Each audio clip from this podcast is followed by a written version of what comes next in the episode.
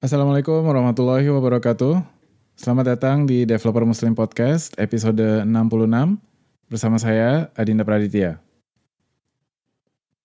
Halo, apa kabar semuanya? Semoga lo sehat walafiat, tetap bisa produktif dan berkembang, vertikal maupun horizontal. apa sih?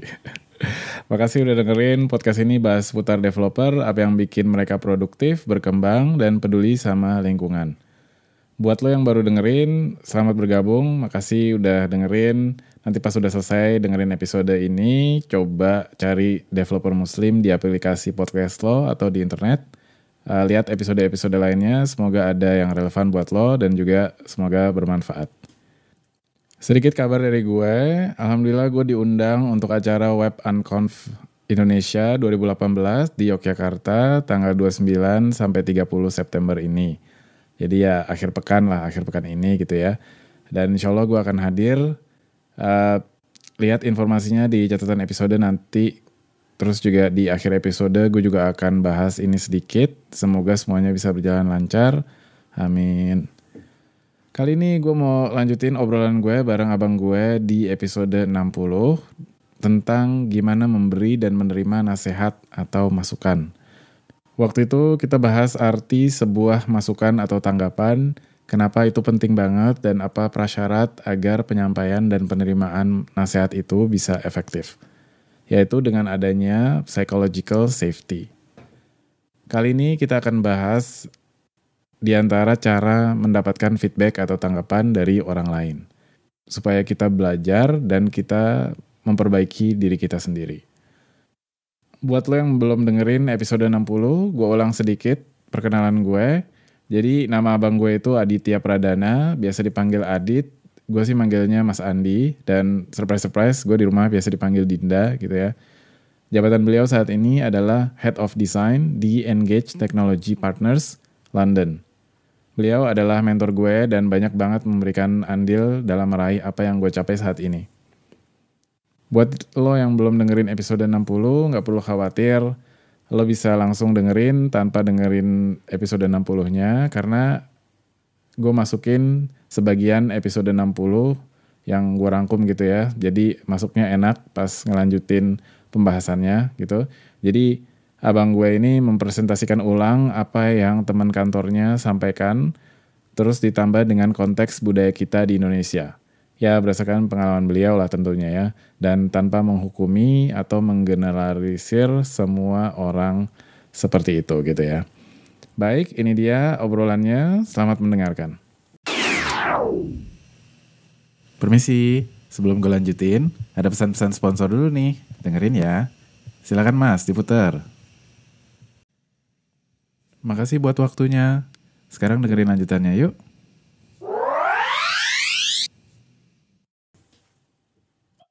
Nah, salah satu yang kita presentasikan dua minggu yang lalu adalah mengenai feedback.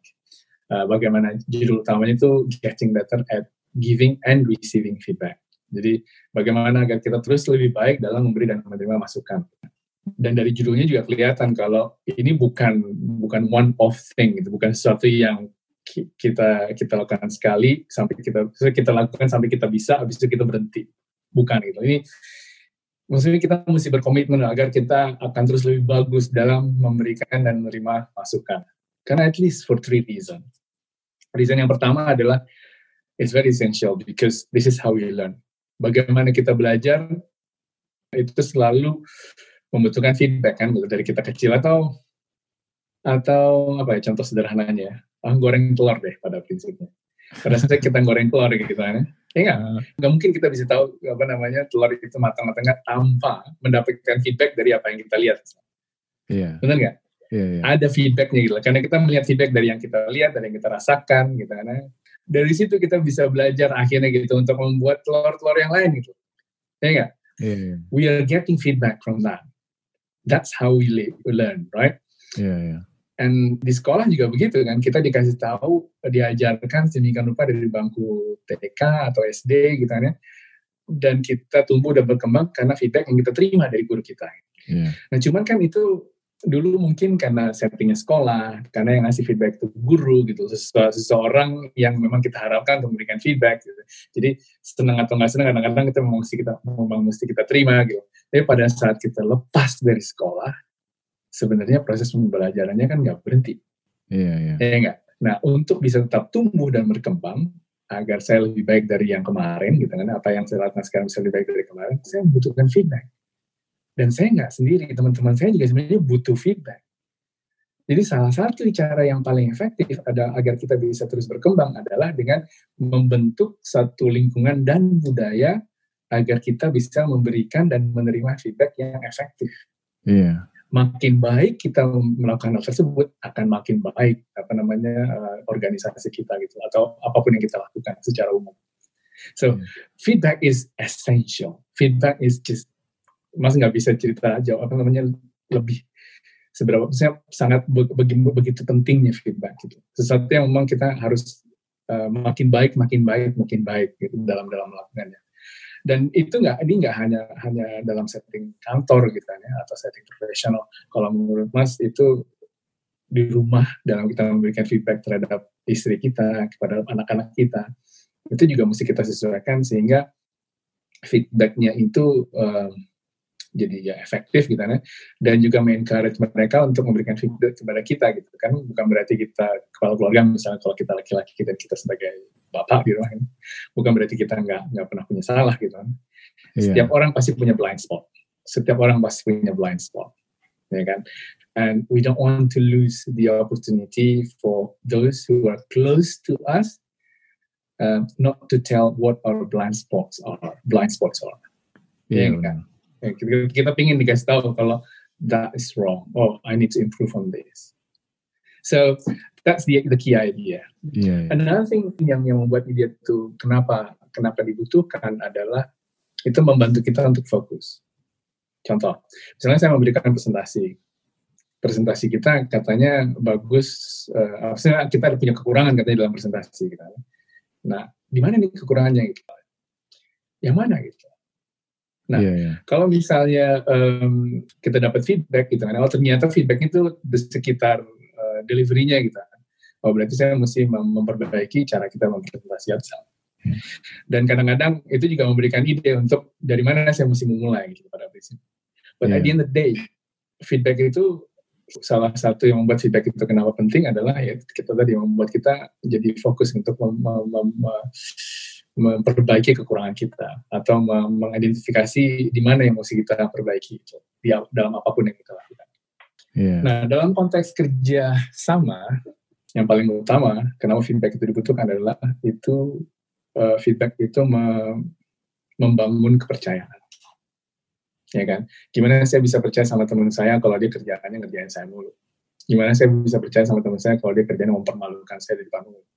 Gimana saya bisa percaya sama teman saya kalau kerjaannya dia adalah meng-underestimate apa yang saya lakukan?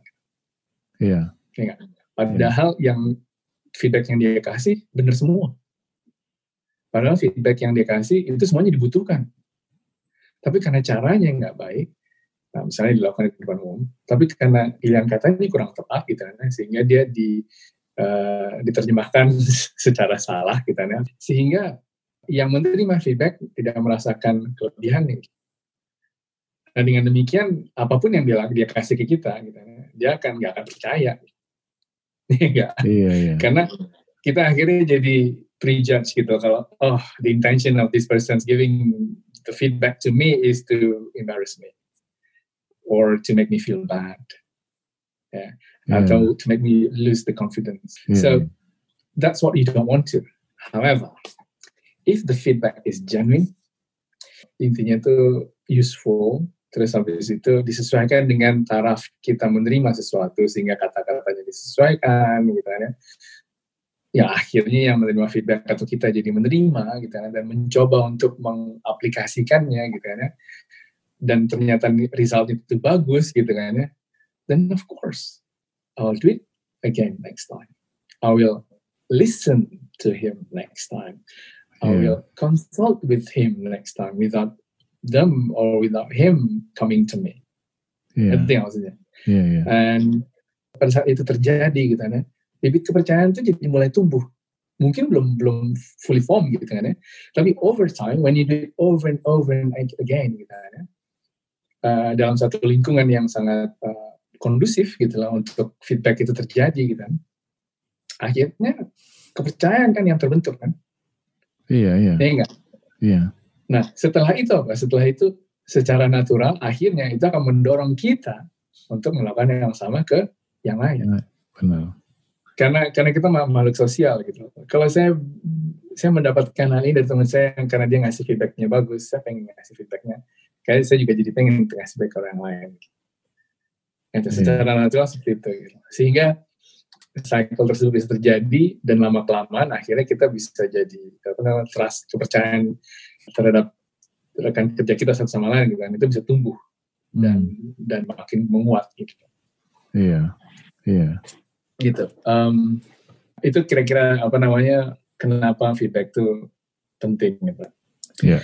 Em, salah satu prasyarat itu sesuatu yang dibutuhkan untuk agar feedback itu terjadi eh, adalah sangat penting untuk membuat satu membuat lingkungannya itu ramah terhadap feedback Iya. ya kan? Membuat eh, apa namanya eh, kayak psychological safety for me to to do whatever I like to do that I think useful gitu ya, and then just do it.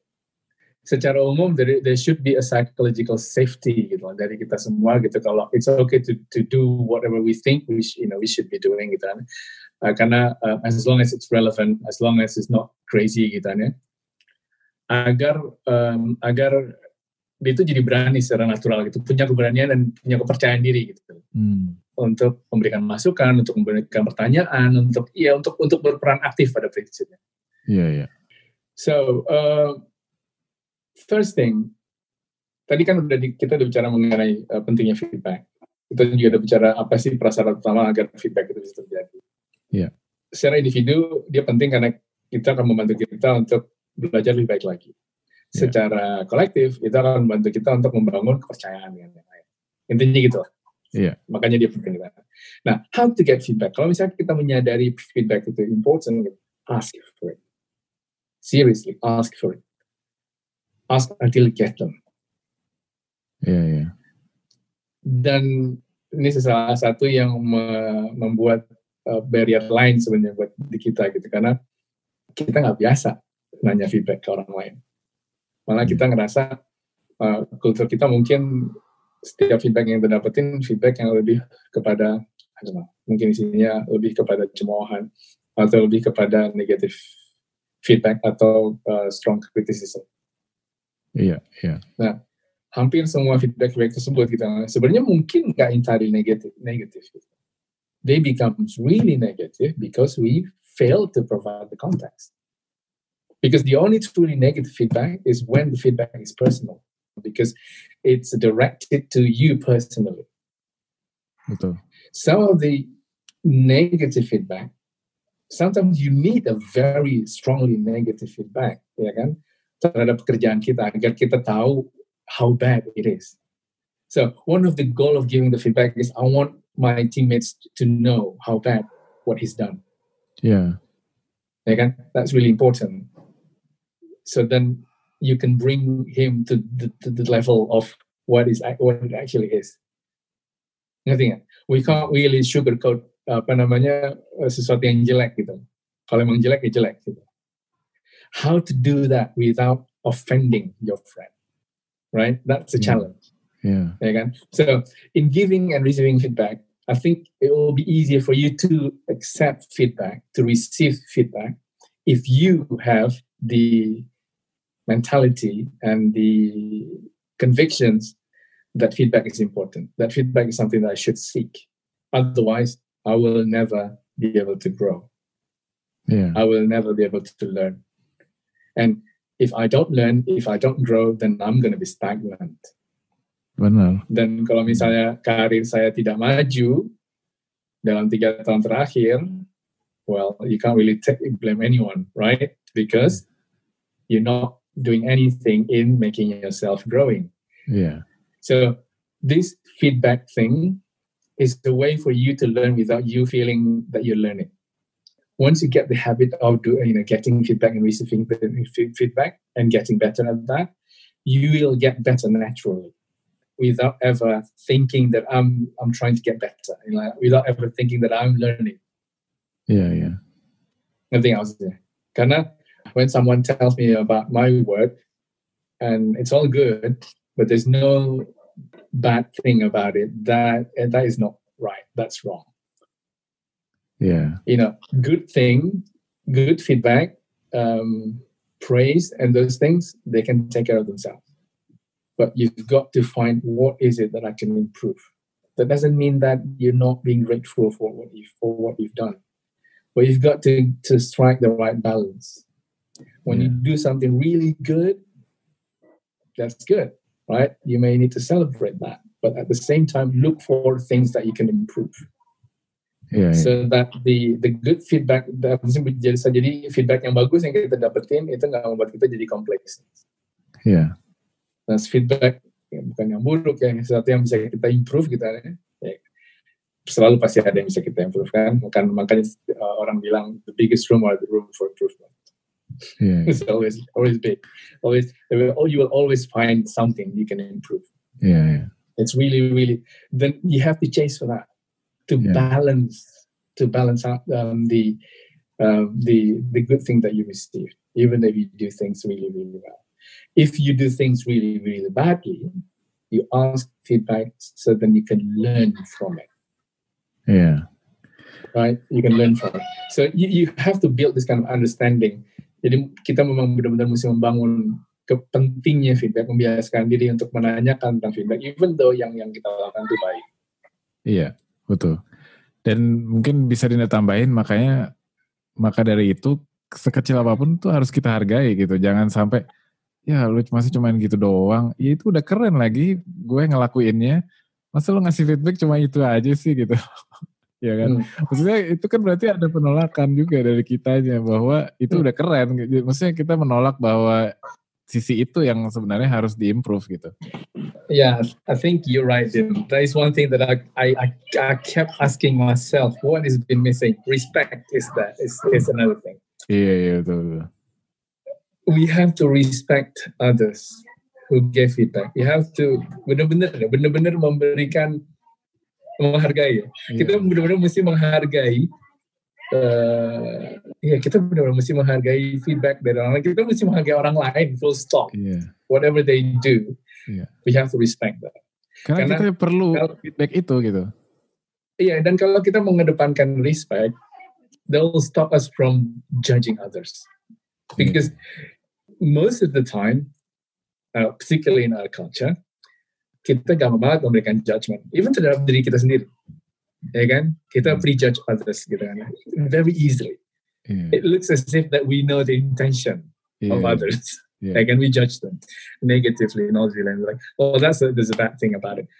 And most of the time, those happen because there is no respect. Iya. Kalau kita penuh dengan penghargaan terhadap orang lain, karena kan kita nggak tahu kadang-kadang konteksnya mereka, kenapa feedbacknya cuma segini, kenapa, kita nggak terlalu tahu konteks terhadap uh, apa yang dia lakukan yang membuat kita membuat dia akhirnya melakukan hal tersebut gitu. Iya. And yet kita memberikan judgment based apa yang based on what we see, right? Kita kita memberikan judgment terhadap apa yang yang kita lihat. Tapi kita nggak nggak nggak terlalu tahu sebenarnya konteksnya gitu. Iya. iya. Nah, oleh sebab itu, ya kita mesti mencoba untuk membangun rasa atau pentingnya menghargai orang lain. Iya. You're right. Iya. We have to, we have to, Iya. yeah, we Dan, have to. dan itunya kayaknya landasan basicnya itu adalah ya positive thinking, yes, iya kan? yes, Positive thinking. I agree. You, all, you need, yeah, positive thinking is really, it's really important. Hmm. It's really important. So, tadi kan kita bicara mengenai jangan sampai feedbacknya itu personal. Iya. Nah, untuk membantu kita agar kita bisa memberikan feedback yang tidak personal, itu bisa kita lakukan kalau kita sudah bisa membangun rasa penghargaan terhadap orang lain. Iya. Ya nggak?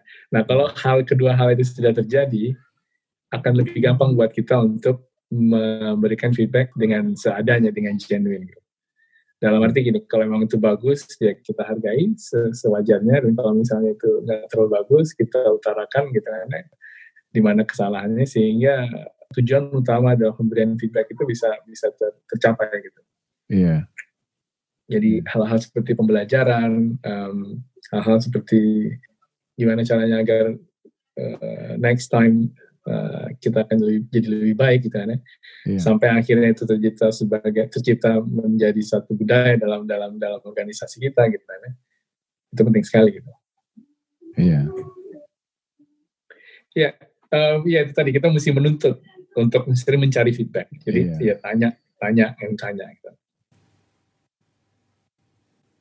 Baik, segitu dulu obrolannya. Gue pengen pelan-pelan, singkat-singkat aja karena agak dalam materinya.